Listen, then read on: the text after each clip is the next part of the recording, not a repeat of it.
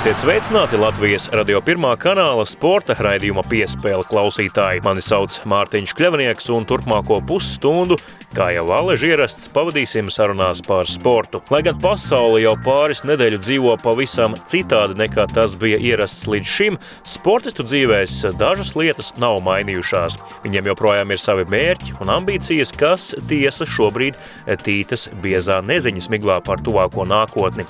Šajā raidījumā sarunāsimies ar riteņbraucēju Tomu Skuiņu, kurš izvēlējies koronavīrusa pandēmijas laikā neatgriezties Latvijā un neapdraudēt ģimeni. Tāpat arī noskaidrosim, ko pēc Tokijas Olimpisko spēļu pārcelšanas uz nākamo gadu domā Latvijas labākās pludmales volejbolistes Tīna Graudiņa un Anastasija Kravčenoka. Sarunāsimies arī ar abu meiteņu treneri Andri Krūmiņu, bet tas viss jau pēc pavisam īsa brīža.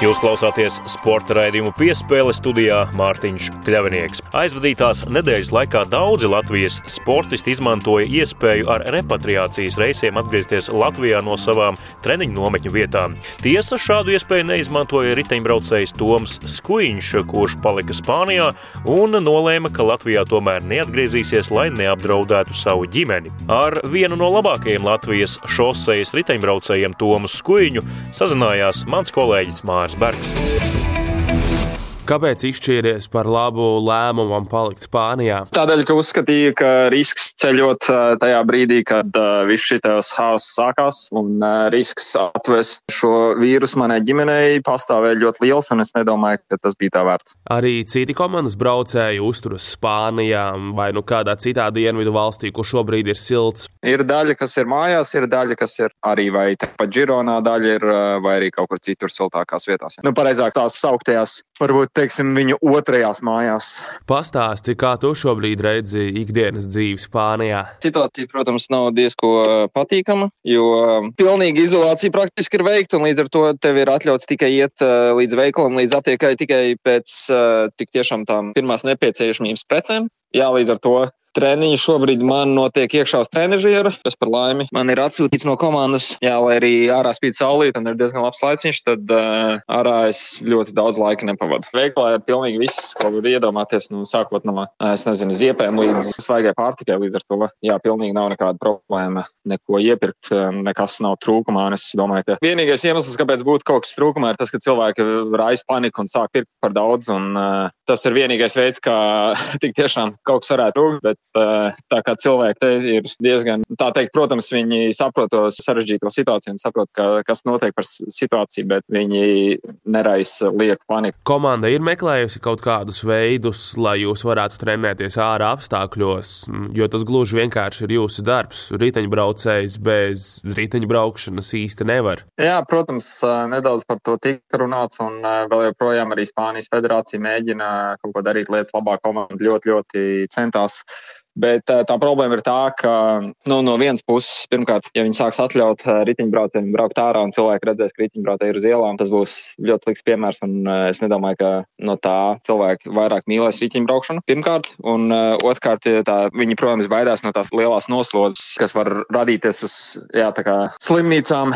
Tā tomēr tā situācija ir un tas lēmums netiks mainīts tuvākajā laikā. Velotrenažieru izmantošanai, tavuprāt, ir liela jēga, jo gan garāžā nav pretvēja, saules, lietus un visa pārējā, ar ko tev jātiek galā, atrodoties ārā uz ceļa. Tas nav tas pats, bet tāpat laikā tas ir ļoti, ļoti tuvu. Protams, lielākā atšķirība ir tā, ka sešas stundas, teiksim, nobraukt ārā ir daudz vienkāršāk kā, un daudz izbaudāmāk kā 6 stundas braukt uz vietas, ne centimetru nepakustēties. Treniņu ritms ar velosipēdu tātad palicis tāds pats kā normālos apstākļos? Noteikti, ka nē, jo tomēr.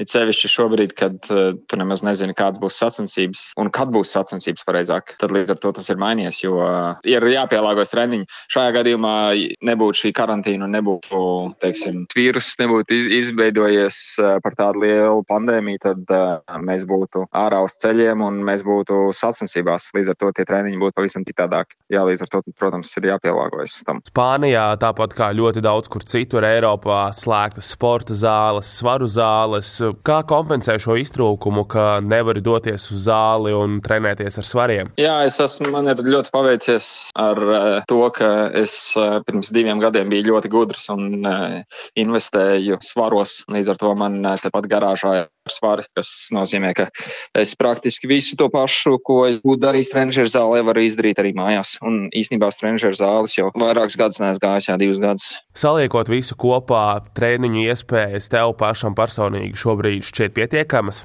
Tas, kāds tas treniņu process ir šobrīd, ir adekvāts uh, šobrīdējai situācijai, jo skaidrs, ka vēl būs vairāk kā mēnesis līdz atsāksies sacensības.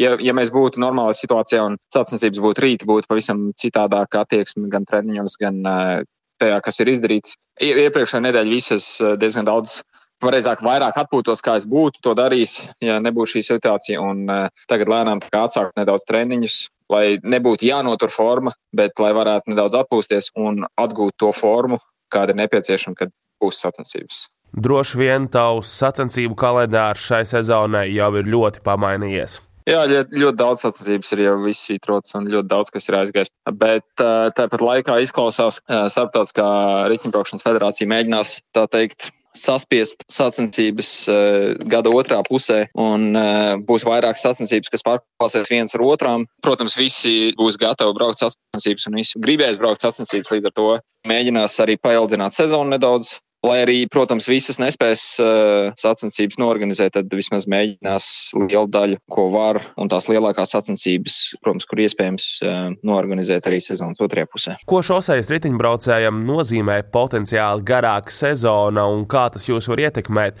Jo nu, galu galā nākamā sezona arī būs, arī uz to būs jāgatavojas. Un, ja šī sezona būs garāka, varbūt kaut kādā veidā varētu ciest nākamais gads. Nu jā, protams, tā būs. Kādas izmaiņas būs, bet jā, nu to grūti spriest. Protams, es nedomāju, ka tas ietekmēs ļoti daudz. Tīri tāpēc, ka es domāju, ka visi ir pietiekoši gudri, lai nedaudz vairāk atpūstos šobrīd. Un tad tā, jā, sezonas otrā puse būs intensīvāka, būs uh, varbūt nedaudz uh, saspringtāka. Es nedomāju, ka tas ļoti ietekmēs 2021. Teiksim. Pats esi atklājis kādu interesantu brīvā laika pavadīšanas iespēju, par ko iepriekš varbūt nezināju vai nebija aizdomājies. Jā, tīvā jāatzīst, ka neesmu baigi nogarlaikojies. Nav arī tā, ka es ļoti daudz esmu Nu, labi, mūsdienās vispār garlaikoties ļoti grūti. Man tāda sajūta, jo ir tik daudz iespējas, ko darīt. Un īstenībā vakar arī pieteicos vieniem jauniem kursiem, ko pamācīties. Man ir arī spāņu valodas grāmata šeit. Jā, esmu pietiekoši daudz darījis, esmu pietiekoši daudz mēģinājis uzturēt kontaktu ne tikai ar ģimeni, bet arī mēģināt faniem pastāstīt, kāda ir šī, šī dzīve šobrīd un mēģināt uh, tomēr iesaistīt tikties, un uh, arī pāris uh, intervijas esmu veicis, pāris video esmu veicis Viss kaut, vis kaut kādas citas interesantas lietas tiek darīts, lai nav, uh, lai nav pārāk daudz jāgarlaikojas un jāsēž uh, televizorā jāskatās. Pagājušajā nedēļā komanda tev piešķīra pieeju komandas Instagram lapai, kur liki īsos stāstus par savu dienu. Šādās aktivitātēs iesaisties labprāt? Ja komanda, es jau varu, protams, arī pateikt, nē, līdz ar to tas ir tīri uz mūsu pašu iniciatīvas un mūsu pašu gribēšanas. Un es jā, tieši to es arī cenšos izdarīt.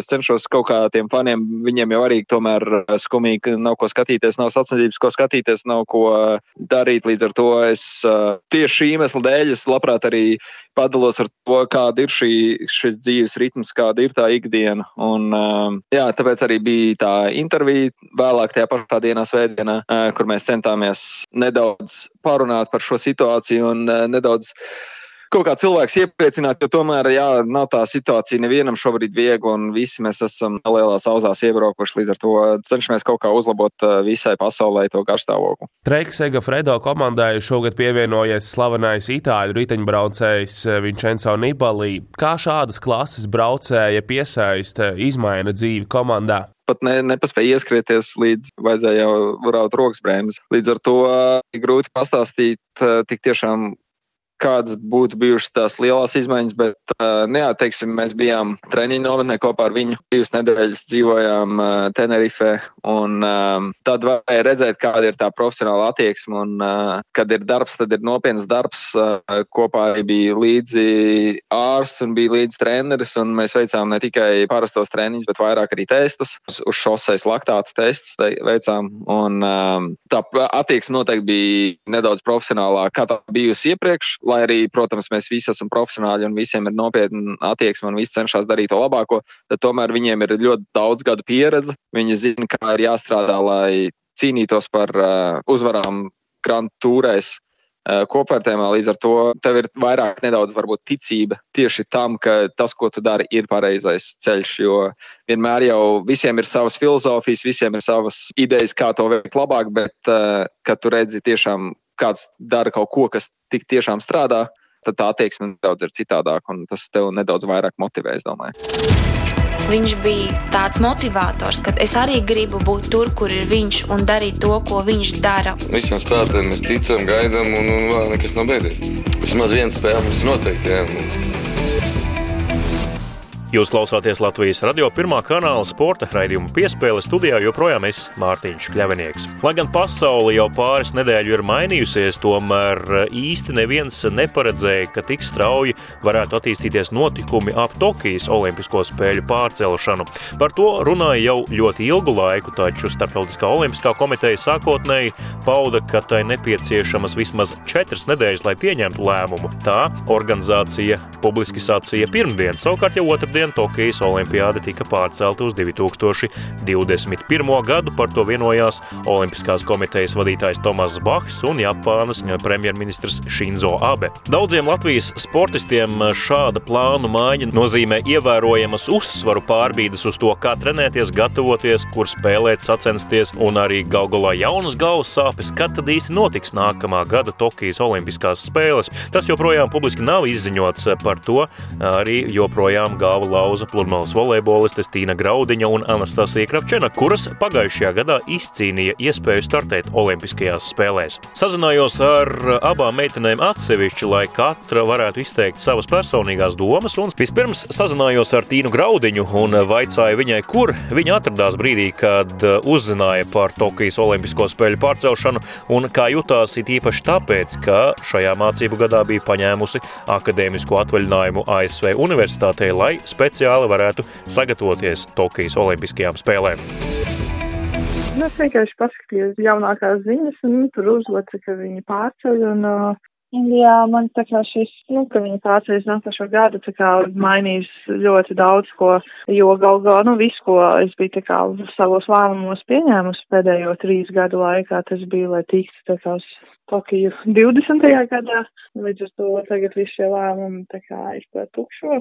Nu, variācijas iespējas nav nekādas. Es būšu skolā nākošais gads Tāpēc es ļoti ceru, ka viņi ieliks tās olimpiskās spēles kaut vai vasaras vidū vai uz vasaras beigām, lai varēs nu, kaut cik sagatavoties labāk. Tīna, šobrīd valda liela nenoteiktība vispār par tuvākajiem plāniem, jo nav zināms, kad Latvijā tiks pārtraukts ārkārtējais stāvoklis, kad situācija normalizēsies arī visā pasaulē, gal galā, kad tad beidzot varēs atsākt spēlēt kādos no turnīriem. Kādi ir tavi tuvākie plāni un cik tu vispār šobrīd kaut ko plāno? Nu, jūs zināms, ka olimpiāda nenotiks šogad, tad, tad bišķiņ ir tāda, nu, pazūd jēgas sajūta, priekš kā mēs trenējamies, nu, kas ir tas mūsu mērķis šos, ja nekas nenotiek, priekš kā mums, tā teikt, uh, kapāt, kā saka tajā sporta slēngā. Jā. Nu, jā, mēs, es eju uz mežu taisīt treniņus un pie jūras, tur, kur nav cilvēki. Tādā ziņā fiziskie treniņi ir tā ļoti tādā pašā kvalitātē kā vienmēr, izņemot svaru zālnā. Mums ir tā kā plāns, ka pēc mūsu karantīnas beigām mēs tā kā atsākam uh, trenēties arī volejbolā, ko mēs arī noteikti darīsim. Tikai jautājums ir, kādu intensitāti, nu, atkarībā no, no, no tā, vai turnīri notiek vai nē. Bet, jā, gaišā puse visai situācijai ir, ka mēs vismaz varēsim uz olimpisko gadu gatavoties ar Andri kopā tā kā pilnvērtīgi vesels gads. Bet gal galā šis papildus gads jums kopā ar Anastasiju dos iespēju labāk sastrādāties ar treneri Andri Krūmiņu, kurš ir jūsu galvenais treneris tikai no šīs sezonas sākuma. Tā kā laikam jau arī katram tam drūmajam mākonītim var atrast zelta maliņu, piemēram, šajā gadījumā tieši šādu. Katrai situācijai kaut kāda plusi jau vienmēr ir. Nu, es, es tagad runāju tīri caur ļoti tādu personisku prizmu. Vispārīgi globāli skatoties, es tā kā jau pilnībā saprotu, tas ir uh, droši vien normāls lēmums, ka viņi pārcēl tās olimpiskās spēles, bet, nu, tā kā, kā būdams kā cilvēks, egoistiska būtne, priekš, nu, tā kā man tas uh, nebija tas labākais lēmums. Lūk, uzzinājām pludmales volejbolistes Tīnas Graudiņas domas par Tokijas Olimpisko spēļu pārcelšanu, ko viņa šobrīd dara, kur atrodas un kādi ir tuvākie nākotnes plāni. Nu, tas skaidrais rezumē bija tāds, ka pagaidām plānu nav, jo nav zināms, kad un kur vispār šo sezonu notiks kāds pludmales volejbola turnīrs. Vai līdzīgās domās ir arī Tīnas pāriniece Anastasija Kravčenoka, to arī viņai jautāja, protams, arī sākot ar vaicājumu par to, kur tad Anastasija atradās brīdī, kad uz uzzināja par Tokijas olimpiādas pārcelšanu uz 2021. gadu. Nu, es biju mājās, pašizolācijā. Nu, protams, es paliku ļoti bēdīga, bet nu, es jau tā sagaidīju. Vienkārši tik daudz jau tās ziņas sklīst apkārt un uh, vienkārši tad pazuda tā pēdējā, varbūt kaut kāda cerība, ka tomēr notiks šogad. Anastasija, jūs eh, šobrīd eh, trenēties Andra Krūmiņa vadībā, pastāstīja, kā noritēja šī treneru maiņa, kāpēc nolēmāt sadarboties ar Andri Krūmiņu un teikt paldies Genādijam Samoilovam? Nu, Andris Krūmiņš bija ar mums vēl kopā no pagājušā gada, kā trenera asistents, kurš palīdzēja um, dažādos procesos, bet ir bišķiņ citādāk un īsti mums nesanāca tā kopā pastrādāt. Mums bija kaut kā divi treniņi, jo bija plāns, ka viņš atlido uz uh, Ameriku, bet tad Amerikā aiztiesīja savas robežas, viņš nevarēja tikt iekšā, un tad mēs pašas, un tagad ir pašizolācija, arī mums nav volejbola treniņi. Tā kā laiks rādīs. Kā tu tiec galā ar šo psiholoģisko slogu, kas uh, droši vien, ka vairumam sportistu šobrīd sagādā problēmas, proti viss plāns tika pakārtots Tokijas Olimpiskajām spēlēm 2020. gada vasarā, uz to tika strādāts un iets, bet uh, šeku reku uh, vienā dienā tiek paziņots, ka spēles tomēr noritēs 2021. gadā. Kā tu tiec galā ar to psiholoģisko spiedienu un varbūt arī tukšumu sajūtu, ka šobrīd šogad nav tā lielā mērķa, kam gatavoties, un pagaidām nav arī turnīru, kuros vispār spēlēt. Jā, man jau no paša sākuma, kad sāka atcelt un pārcelt visas sacensības, man uzreiz parādījās tā, ka man galvenais mērķis bija olimpiāda un bija arī daudz mazie mērķi, bet man tā kā visu atņēma. Un jā, man arī bija tā kā negribas trenēties volejbolā, ka es tā kā neredzu jēgu, ka fiziski jā, tā kā es varu, bet mēs nezinām, kad būs sacensības uh, tieši volejbolā. Un liekas, nu, mēs tikko aizvadījām tik smagu treniņu posmu, kad mums bija tur divi, trīs treniņi dienā, un tagad atkal tā kā atgriezties pie tā un nezināt, kad būs sacensības, tas būs ļoti bezjēdzīgi, nogurdinoši, emocionāli un fiziski. Mēs tagad turpinam trenēties fiziski, tad jau cerēsim, ka augustā sāksies sacensības un, nu, mērķis ir nākamgad, kad olimpiāda būs, tad mums ir jāstrādā un Jā, es trenējos mājās un arī dažreiz skrienu pa mēžu. Mājās arī taisu jogas treniņus vienkārši tāpat, lai izstiepties un tā. Jā, es arī izbaudu šo laiku, tāds atpūta arī no bumbus.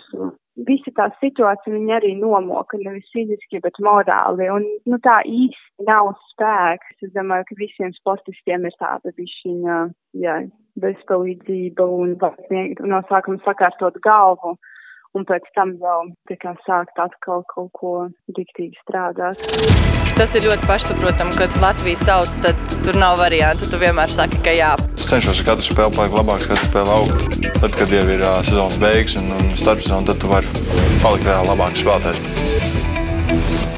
Turpina skanēt Latvijas radio pirmā kanāla sporta raidījums piespēle studijā Mārtiņš Kļavinieks. Un šobrīd, eh, pēc tam, kad esam dzirdējuši to, ko saka Latvijas labākās pludmales volejbolistes Tīna Graudiņa un Anastasija Kravčenoka, esam arī sazinājušies ar viņu jauno galveno treneri Andi Krūmiņu. Sveiki, Andri! Un eh, pirmais jautājums, ko šajās dienās, kas ir pilnas nenoteiktības, vispār jūs liekat meitenēm darīt? Viņas pagaidām joprojām atrodas karā karantīnā pēc atgriešanās no ASV, bet kādi ir viņu darba uzdevumi šobrīd no treneru puses dotie?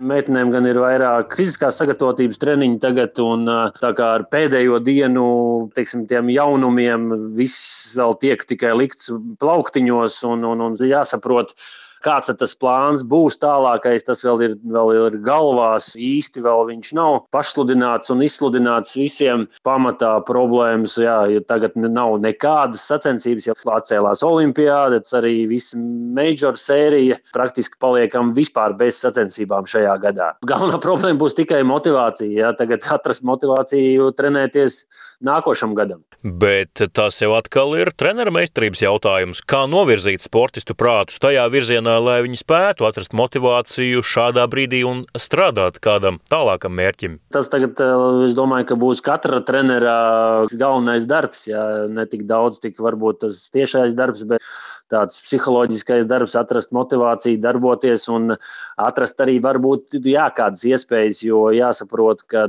sportspēļnieki It sevišķi ir tāda tauta, kas īsti nevar atļauties, tagad mēs šito sezonu vispār izlaižam, trenējamies tikai fiziski, un gatavi būsim ļoti stipri jau pēc gada. Ja? Nu, tas īsti neiet cauri, jo jāsaprot, ka tas katrs sportistiņš ir pieredzējis pie tā ritma, kad ir sacensību periods, gan sagatavošanās periods un tā tālāk. Līdz ar to tiem visiem periodiem jāiziet cauri, un tas organisms jau arī pie tā pierod. Esmu jau tā, tā sācis par to domāt un pat, pat, pat apzvanījies. Visdrīzākais, kad uh, rudens pusē domāsim par kaut kādu uh, Nezinu, vai kādā tas būs formātā, exhibition formātā, bet ne mēs vienīgie gribēsim kaut kur uzspēlēt kaut kādā veidā.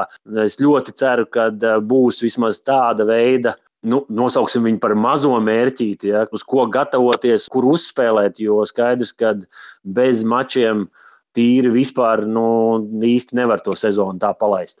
Tīna šogad bija paņēmusi akadēmisko atvaļinājumu savā ASV universitātē, lai varētu sagatavoties Tokijas olimpiādei tieši šogad.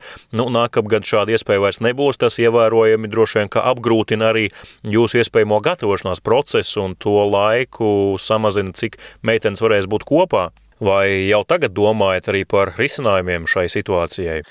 Jā, jā, ar to mums ir jārēķinās, un mēs ar to rēķinamies. Protams, kad viņu ir visvairāk žēl, Bet nu, tāpat tas neaizies postā, jo tas darbs, ko viņas tomēr divi ir pavadījuši šajā ziemā kopā, viņš ir ļoti labs darbs. Protams, jā, ka žēl, ka nesenāks un skaidrs, ka divus gadus nu, viņi neņems akadēmiskos gadus, divus. Jā, un, un nākošais gads būs sagatavošanās daudz grūtāks, bet jau esam runājuši, jā, kad Anastasija ir gatava arī padzīvoties Losandželosā vairāk, un droši vien, kad arī skola varētu nākt pretī, tomēr olimpieši ne visās universitātēs tā vienkārši mums mācās, un es ceru, ka arī Tīnas skola panāks pretī, ka varēs patrenēties vairāk ar Tīnu arī ārpus skolas ar, ar, ar, ar Anastasiju kopā. Tā kā jau meklējam jau kaut kādus risinājumus un, un domājam jau uz priekšu. Nu šobrīd meitenes joprojām vēl mūsu sarunas laikā atrodas karantīnā. Treneri, pastāstiet, kāds tad ir tas darbs vispār, kāds šobrīd var noritēt un kā jūs to organizējat? Teikšu uzreiz atklāti, jā, viņas abas divas ir izgājušas testu un pēc septiņām dienām to varēja darīt un viņas ir negatīvas priekš manīm, ja, un līdz ar to mēs un priekš, priekš fiziskās sagatavotības trenera Andra Eikena un, un, un komanda var strādāt kopā mierīgi, un, un, un mežā tas tiek arī darīts. Ja, kā, protams, ka tas neatbrīvo. Mēs tāpat tās viņas nedrīkst 14 dienas iet nekur citur. Ja. Nu, likums ir tāds, kāds viņš ir, kaut vai tu esi negatīvs ja, no vīrusa. Bet, bet, bet jā, tas atvieglo no tāda viedokļa, ka es varu kontaktēties, Andris var kontaktēties, un pēc tam tu mierīgi atnāc mājās un kontaktējies ar saviem ģimenes locekļiem. Ja. Tā kā tajā ziņā mēs esam mierīgi un, un, un strādājam. Skaidrs, ka sākumā ir vairāk būs fiziskais darbs un, un, un vispārējā fiziskā sagatavotība ies pāri pārējiem, bet jā, meitenes ir jaunas un līdz ar to bez volejbola arī nevar tā kā tur, piemēram, Saša vai Jānis, piemēram, kur var divas nedēļas mierīgi uh, izsvītrot volejbolu, tagad vai attiesim malā no volejbola. Jā, nu mums, mēs tā īsti nevaram atļauties. Treneri, jūs no šīs sezonas esat eh, Tīnas un Anastasijas galvenais treneris, kurš eh, veido visu darba plānu un pārauga. Mm, kā jūs nonācāt šajā pozīcijā, kā viss nonāca līdz sadarbībai starp jums un meitenēm tieši šādā formātā? Nu, vis, visu, visu pagājušo gadu es biju kā palīgs jā, Genādiem Samoilovam. Tas attiecās tieši uz sacensību laiku, uz, uz, uz, uz pretinieku pētīšanu un, un, un, sacensību periodā dzīvojos ar meitenēm kopā. Nu, droši vien, ka meitenēm tas viss tas process iepatikās. Tagad jā, viņas nolēma šķirties no Genādija un, un, un uzrunāja mani. Šajā gadījumā es esmu tikai darba ņēmējs, ja, un meitenes ir darba devējs. Tā kā neko dziļāk es jums vairāk arī izstāstīt nevaru. Ja. Jums, kā sportistam, nokļūt Tokijas Olimpiskajās spēlēs, protams, bija izaicinājums, līdz tam aizsniegties neizdevās. Tagad, kā trenerim, būs tāda iespēja, vai varat kaut kā salīdzināt šīs pieredzes un sajūtas, kādas jums bija toreiz, kā sportistam cīnoties par ceļzīmi, un tagad, kā trenerim, kurš ir atbildīgs par pāri, kas jau ir ar ceļzīmi kabatā? Tā pats var pastāstīt kā sportistam. Ja? Nu, protams, jā, es trīs, eh, trīs olimpiskos ciklus cīnījos, un tā arī neaizcīnījos. Bijām pāris reizes ļoti tuvu ar Jānu Grimbergu, bet uh, jā, mums nesanāca. Vairāk tas bija finansiāli apsvērumu dēļ, ka nevarēja izbraukāt visu pasauli uz visiem posmiem. Ja? Tas, kas, kas bijis, tas ir bijis. Bet, protams, tajā laikā tas, tas bija lieli, lieli tie bija mērķi, un, un kur netika izpildīti.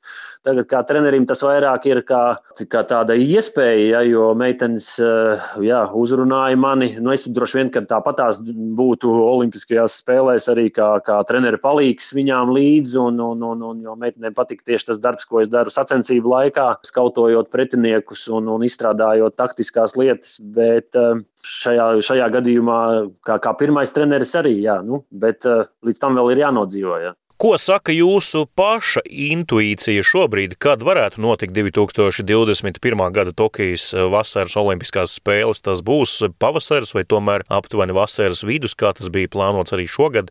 Nu, tagad kaut ko plānot šajā laikā ir ļoti, ļoti, kā mēs zinām, ļoti grūti. Ja? Es savā galvā tomēr vairāk vai mazāk lieku, kad eh, būs nevis uh, mēnesis, divi, kā nu jau sāk runāt, bet visdrīzākais trīs mēneši būs tādi, kad eh, nu, tā gan fiziskā, gan ekonomiskā un tā tālāk kustība būs apturēta. Ja? Un, un, un tikai uz 15. jūniju mēs varēsim sākt tā normāli dzīvot tālāk, kā to rādīs uh, laiks un dzīve. To mēs redzēsim. Plānot kaut ko tagad globālu, Nav jēga, protams, manā gadījumā ir jāizstrādā jauns gada plāns. Ja. Protams, jāgaida ir konkrēti datumi, Kad tad būs, tad spekulē par kaut kādu aprīli, ja, vai tas būs tie paši datumi, atkal jūlijas, augusts kad tur tiek traucēti citiem sporta veidiem un citiem sporta pasākumiem nākošajā gadā. Kamēr nebūs konkrēti datumi olimpiādei, tikmēr kaut kāds arī par to gadu plānojumu īsti nevar likt uz papīra un, un izsludināt. Ja. Šķiet, ka visparocīgākais scenārijs jums būtu, ja Olimpiskās spēles notiktu aptuveni tajā pašā laikā, kā tas bija plānots šogad, jo tad Tīna būtu brīva no studijām ASV un varētu pilnvērtīgi arī pirms spēlēm sagatavoties, un tad jau arī startēt Olimpiādē. jā, protams, tas būtu vislabākais. Un, jā, un mūsu gadījumā labāk būtu ka viņi būtu tādā pašā laikā, kā, kā šogad bija paredzēts, nekā aprīlis, maijs, par ko arī tiek runāts. Ja. Mūsu platuma grādi arī tas attiecās arī ne tikai uz, uz meitenēm, bet attiecās gan uz maniem, kad es biju sportists, gan uz, uz pārējiem. Tomēr vairāk vai mazāk ir novērojams, ka labākā forma tomēr ir Latvijas sportistiem tieši pludmales volejbolā ir vairāk augusts, septembris, kad ir Eiropas čempionāts. Vislabākā rezultāti ir tajā laikā. Jo jāsaprot, ka tās valstis, kas dzīvojās 12 mēnešu vasarā un, un, un var trenēties cauri gadu, mūsu tomēr tā ieiešana tajā formā tomēr notiekās lēnāk. Tā kā jā, mēs būtu par to, lai tā olimpiāda būtu augustā nekā maijā. Fiziskās sagatavotības treniņi tiek pakārtot tam, lai varētu turēt un izturēt. Ja. Karstumu tāpat arī bija, teiksim, nu, protams, ka visi tie, tie sakarā ar vīrusu, visi tie plāni pajuka, bet bija arī Singapūra un Ķīnas posms. Divi posmi bija speciāli šajā gadā bija paredzēta, lai teiksim, izmēģinātu apstākļus tajā pusē, gan laika joslas, gan karstumus un tā tālāk. Nu, es pat neesmu nemaz tik apbeidināts tas, kad ir pārcelts jau uz nākošo gadu. Jo tā sagatavošanās posma un sacensību trūkums nu, viennozīmīgi tieši meitenēm būtu nav tas labākais jā, variants tāds mitruma un karstuma savienojums, kas Tokijā bija gaidāms, tas bija tas, par ko galvu jālauza. Paldies, trener, par šo sarunu, raidījumā piespēli, un tad jau iespējams tiekamies pēc gada Tokijas Olimpiskajās spēlēs. Jā, paldies, jā, jā turās visi. Paldies! Atā. Līdz ar to arī izskan šīs nedēļas sporta raidījums piespēle. Studijā biju es, Mārtiņš Kļavnieks, par labskaņu parūpējās Nora Mītspapa. Esiet uzmanīgi, saudzējiet sevi, mazgājiet rokas un noteikti ievērojiet fizisko distancēšanos. Tiekamies jau kādu citu reizi uz sadzirdēšanos!